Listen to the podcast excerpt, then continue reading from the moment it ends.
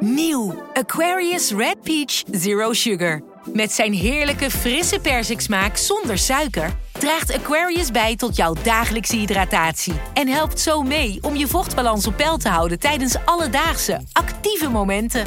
Thuis, op het werk of onderweg. Ook verkrijgbaar in smaken lemon en orange. Probeer hem nu. Bij een juridisch conflict kun je het gevoel krijgen dat je in een rollercoaster bent beland. Je wereld staat op zijn kop en je bent de controle even helemaal kwijt. Dan is het fijn als je bent verzekerd bij ARAG. Daar werken topjuristen en advocaten die je begrijpen. Die een stap extra voor je zetten. En je het gevoel van controle teruggeven. Met kennis en informatie, met heldere uitleg en met gericht advies. ARAG, juridisch probleemoplossers. Vanaf de redactie van NRC het verhaal van vandaag. Mijn naam is Thomas Rup.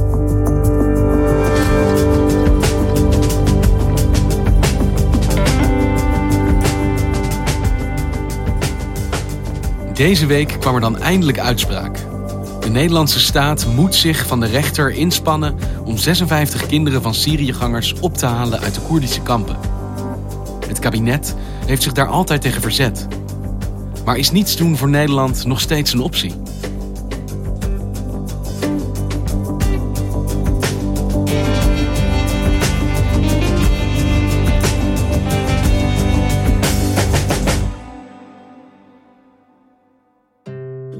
Paar weken geleden, op een vrijdagmiddag, eh, vroeg de krant mij als verslaggever naar een rechtszaak te gaan. Terwijl eh, half Nederland zich naar de vrijdagmiddagborrel spoedde, spoedde ik mij naar de rechtszaal. En daar waren nog zo'n pakweg, ik schat zo'n honderd andere mensen. Die zich daar voor die zaal eh, verzamelden. Kees Versteeg is binnenlandredacteur en schrijft over de veiligheids- en inlichtingendiensten. Je moet je voorstellen, er was een vrij grote zaal was er, gereserveerd. Nou, dat was ook nodig, want die zaal die zat ook echt bijna helemaal vol. Dat waren moeders, vaders, grootmoeders, grootvaders, vrienden, advocaten, hulpverleners en anderen die allemaal voor één, voor hun heel belangrijke rechtszaak waren gekomen. De rechter werd gevraagd uh, door uh, de advocaat, advocaten, namens 56 kinderen en 23 moeders om te zeggen of die kinderen en moeders zouden moeten terugkeren uit de kampen waar ze nu vastzitten in Noord-Syrië. Een uitpuilende rechtszaal en de vraag die daar centraal stond is: gaat de rechter Nederland verplichten om hun dochters en kleinkinderen terug te halen uit Syrië? Ja, zo is het. Goedenavond. De Nederlandse staat moet alles doen wat mogelijk is... om 56 Nederlandse kinderen van Syriëgangers terug te halen. Die leven nu in afschuwelijke omstandigheden in kampen in Syrië... en kunnen daar niet weg. Maar de uitspraak roept vooral veel vragen en weerstand op. En afgelopen maandag is met veel mediabombast die uitspraak bekend geworden. Wat zegt de rechter nou precies? Uit diverse bronnen is op te maken dat kinderen daar te maken hebben... met bombardementen, seksueel misbruik, marteling afwezigheid van onderwijs, kindersterfte, ijzige kou in de winter, overbevolking, vermijdbare ziektes, indoctrinatie en een gebrek aan water, voedsel en sanitaire voorzieningen en medische zorg. De rechter deed een uh, opmerkelijke uitspraak. Hij haalde eigenlijk uh, de moeders en de kinderen uit elkaar. Hij zei van je moet vooral naar de kinderen kijken die in die hele zware omstandigheden uh, zitten. Er is dus sprake van een ernstige en acute noodsituatie waarin de kinderen zich als slachtoffer van het handelen van hun ouders bevinden. En naar mijn oordeel... Maar het kort geding wat je beschreef ging niet alleen om kinderen, maar het ging om kinderen en hun moeders. Wat Precies. zegt de rechter over die moeders? De rechter die, die realiseert zich uh, dat de bewakers van het kamp, de Koerden, de kinderen niet zonder hun moeders weg laten gaan. Die willen niet uh, met, die, met die vrouwen achterblijven daar. Dus uh, vandaar dat hij ook op die vraag ingaat. Stel je nou voor dat de Koerden weigeren om die kinderen alleen te laten gaan. Ja, dan moeten die moeders ook mee. En de staat, hoe reageerde die op deze uitspraak? De staat die heeft dinsdagochtend besloten om in beroep te gaan tegen het vonnis. Henk Kees, wat weet jij van deze vrouwen die nu in het middelpunt van deze discussie staan in die kampen? Wie zijn zij? Nou, ik denk dat hier uh, dat je moet zeggen dat het een enorm diverse groep is. Uh, die vrouwen die, uh, die hebben verschillende bindingen met het kalifaat gehad. Sommigen die waren daar actief voor, bijvoorbeeld als ronselaar. Anderen waren meelopers. Anderen die zorgden voor het huishouden, bakten brood en dergelijke. Dat is een heel diverse groep. En de vrouwen die in deze rechtszaak centraal staan, wat zij gemeen hebben in ieder geval, is dat ze allemaal zeggen: wij willen terug naar Nederland. Zij willen terug met hun kinderen. En uh, dat willen ze al een hele tijd. En dan kun je afvragen, waarom hebben ze dan nu ineens deze rechtszaak uh, aangespannen? Dat is vooral met het oog op de komende winter. Het wordt daar steeds uh, kouder. En er gebeurt ook van alles in die kampen. Er zijn gewelddadigheden. Dus, dus we zeggen, de ellende hoopt zich op. Dus op een gegeven moment hebben die advocaten en die moeders gezegd: van ja, er moet gewoon nu iets gebeuren. Laten we naar de rechter gaan. En de situatie in Noord-Syrië is de afgelopen tijd natuurlijk behoorlijk veranderd. Zacht gezegd. Het begint met de Amerikanen die ergens eind september uit mijn hoofd, uh, begin oktober, aankondigen dat zij hun troepen willen gaan terugtrekken uit de regio, uit Syrië. Daarvan heeft vervolgens eh, Turkije gebruik gemaakt om Noord-Syrië binnen te vallen. Enkele tientallen kilometers verwijderd, maar toch redelijk in de buurt van de kampen waar we het nu steeds over hebben. En wat zag jij dat dat betekende voor die kampen? Ik heb daar toen een heel interessante discussie over gehad met de vader van een van die uitreizigers in die kampen. Piet, die ik de vraag stelde van wie zou je eigenlijk liever hebben als bewaker van die kampen? De Koerden, die er nu zitten, of de Turken. En er was ook nog zelfs sprake van de Syriërs. En wat was zijn antwoord? Hij had by far het liefst de Turken. En waarom? Hij zei, de Koerden die zijn toch zo ook getraumatiseerd door de strijd... en die misdragen zich ook zo vaak als bewakers. Die liever niet. De Syriërs al helemaal niet. Dat is een uh, vreed en medogeloos bewind.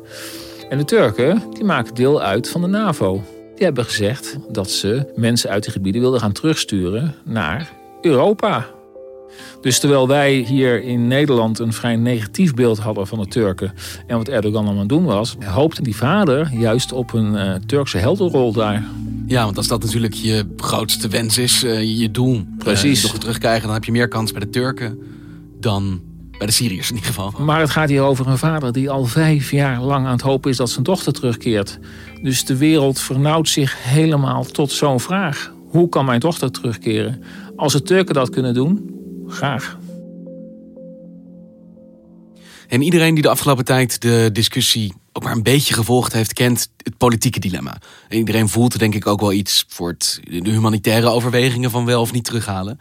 Maar jij schrijft voor ons over de veiligheidsdiensten. Daar heb jij contacten. En ik ben zo benieuwd, hoe wordt er vanuit die wereld gekeken naar dat dilemma rond die vrouwen? Ja, wat me daarin opvalt, dat ze wat anders kijken dan in een maatschappelijke discussie gebeurt. Zij kijken heel erg vanuit hun, uh, hun doelstelling. En die is: wij moeten onze nationale veiligheid beschermen. Wat is hun zorg? Dat zijn niet primair de vrouwen en de kinderen, waar het steeds over gaat in de discussie, maar naar de mannen, vooral mannen, die een bedreiging kunnen vormen voor de nationale veiligheid.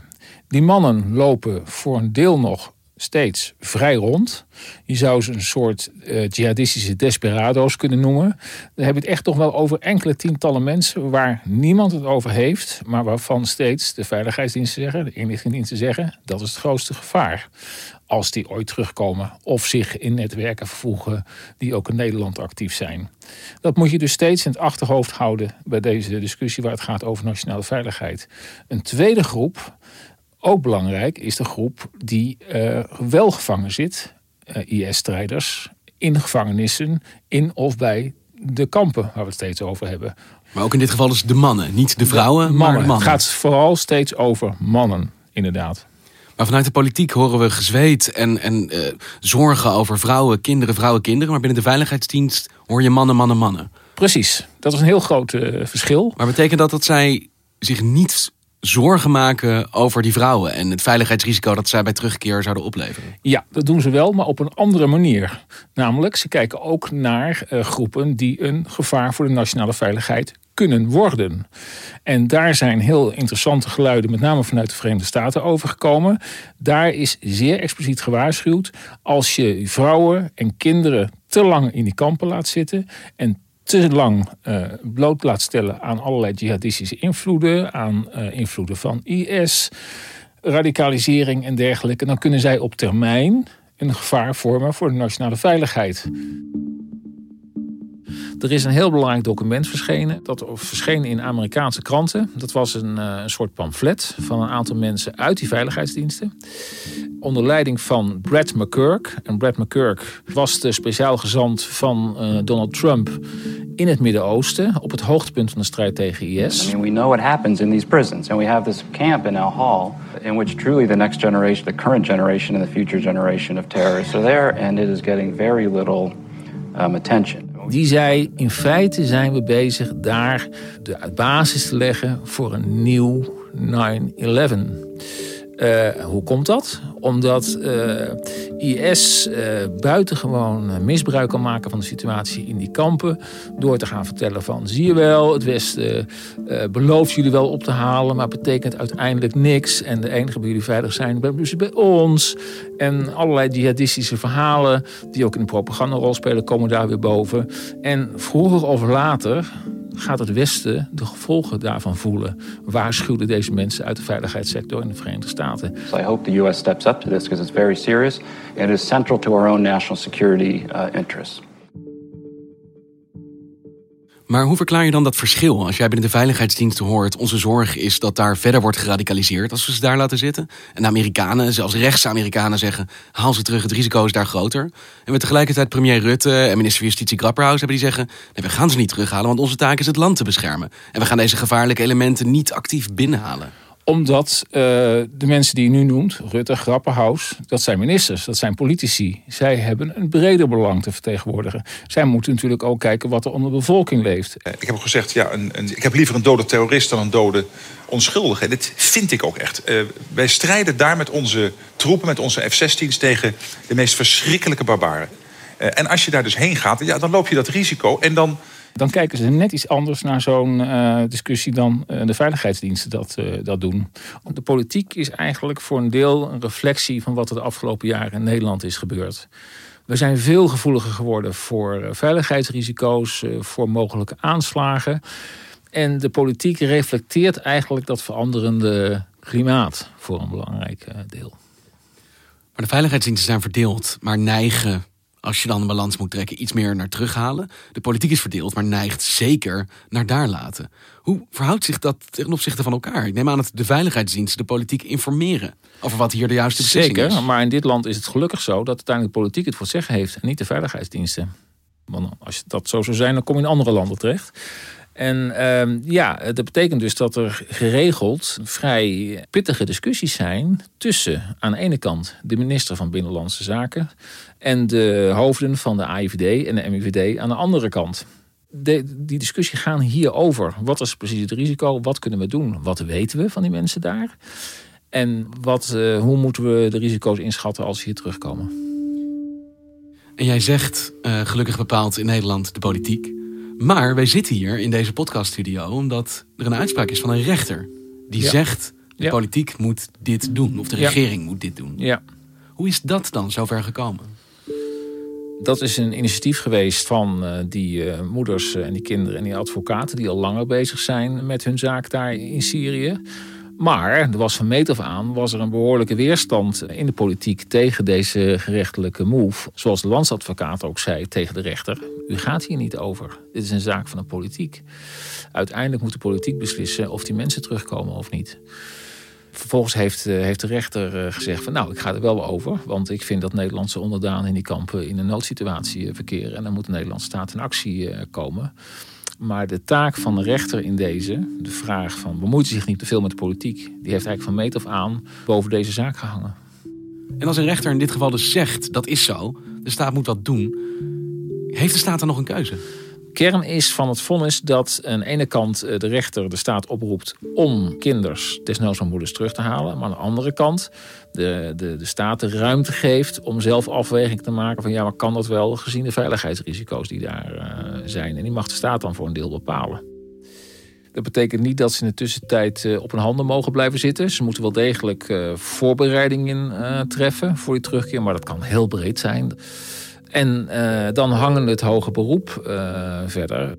Ze misschien geen concrete actie ondernemen. Dus, dus die kinderen zijn voorlopig nog niet terug. En hoe reageerde Piet, de vader van de Syriëganger... die jou langer volgt, op dit vonnis? Ik heb Piet maandagavond gebeld. Hij vroeg me een paar uur te wachten en dan pas terug te bellen... want hij moest eerst bijkomen van het vonnis. En dat begrijp ik heel goed. Want hier heb je een vader die uh, zijn dochter uh, in 2015 al naar het kalifaat zag vertrekken.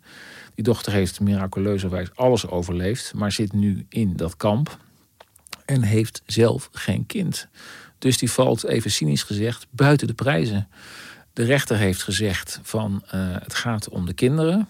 En als de moeders mee moeten van de Koerden, oké, dan gaat het ook om die moeders. Maar zij is geen moeder, zij is daar alleen. Dus deze man was, ja, die was natuurlijk uh, behoorlijk uh, van de kaart. En hij zei ook van, nou ja, um, ik hoop op een soort precedentwerking. Als de moeders van de kinderen misschien toch nog kunnen terugkeren in de komende maanden, dan schept dat misschien toch nog weer een precedent voor andere vrouwen zonder kinderen. En daar hoopt hij dan maar op. De uitspraak is nu geweest en op een bepaalde manier kregen dus de families wat ze wilden. De overheid wordt gedwongen tot actie, maar tegelijkertijd dient er nu een hoog beroep wat nog een hele tijd kan duren. Het staat nu weer stil. Inderdaad, maar voor een deel zie je ook dingen schuiven. Je ziet ook dingen veranderen. Het fonds heeft sowieso veel losgemaakt. Er zijn veel reacties uh, op, uh, opgekomen. En een van de interessantste vond ik wel die van het CDA die nu heeft gezegd van weet je wat, we moeten gewoon met de Syrische dictator, de meedogenloze dictator Assad gaan praten. Om te kijken of hij dan misschien die IS-strijders daar uh, en die vrouwen wil gaan uh, berichten. Je kunt op dit moment niet anders dan een opening weer maken. Ben je dan meteen beste vriend met Assad? Absoluut niet. Worden we dat? Absoluut niet. Keuren we goed wat hij gedaan heeft in het verleden? Ook niet. Maar het punt is, Assad zit er. En onze strategie... Hij heeft er zoveel voor over om die mensen daar te houden... dat hij zegt, je moet zelfs daarvoor met Assad gaan, uh, gaan praten. Maar je ziet ook maatschappelijk zie je dingen uh, schuiven. Het mooiste voorbeeld daarvan vond ik de Telegraaf die uh, naar mijn beste weten altijd uh, het standpunt van de VVD en het CDA steunen van je moet die mensen daar houden. Mm -hmm. Die had een heel opmerkelijk hoofdartikel waarin ze uh, eigenlijk pleiten ook voor terugkeer van in ieder geval de kinderen met als argument. Hetzelfde argument wat ook de rechter hanteerde, namelijk je kunt de kinderen kun je niet verantwoordelijk houden voor de keuzes die hun moeders of vaders of allebei hebben gemaakt. Dus zelfs ook al weten we nog niet zeker of deze uitspraak ook daadwerkelijk tot actie gaat leiden of tot terugkeer, je ziet wel dat het effect heeft. Gewoon het feit dat een rechter dit gezegd heeft. Ja, je ziet het dus politiek en maatschappelijk effect heeft. Maar laten we twee groepen, eigenlijk de meest betrokken groepen in dit verband, niet vergeten op wie het ook effect heeft. En dat zijn de betrokkenen zelf. De ouders hier, de ouders van, van de uitreizigers van die, van die moeders in die kampen. En een tweede groep wordt vaak vergeten, de Jezidis om wie het ooit al begonnen is. De Yazidis die uh, vermoord, verkracht zijn, voor een deel ook in Nederland zijn terechtgekomen. En die zich ook heel erg in deze discussie roeren. En heel graag willen dat die mensen daar blijven en daar berecht worden. Hey, en wat is nou de verwachting? We zijn natuurlijk in afwachting van het hoger beroep, maar dat gaat er binnen afzienbare tijd wel komen.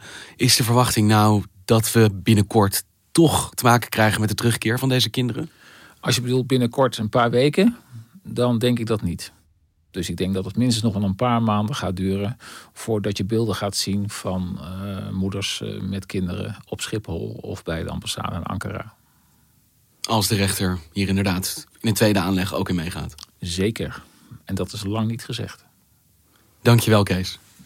Alsjeblieft. Je luisterde naar vandaag, een podcast van NRC. Eén verhaal elke dag. Dit was vandaag, morgen weer.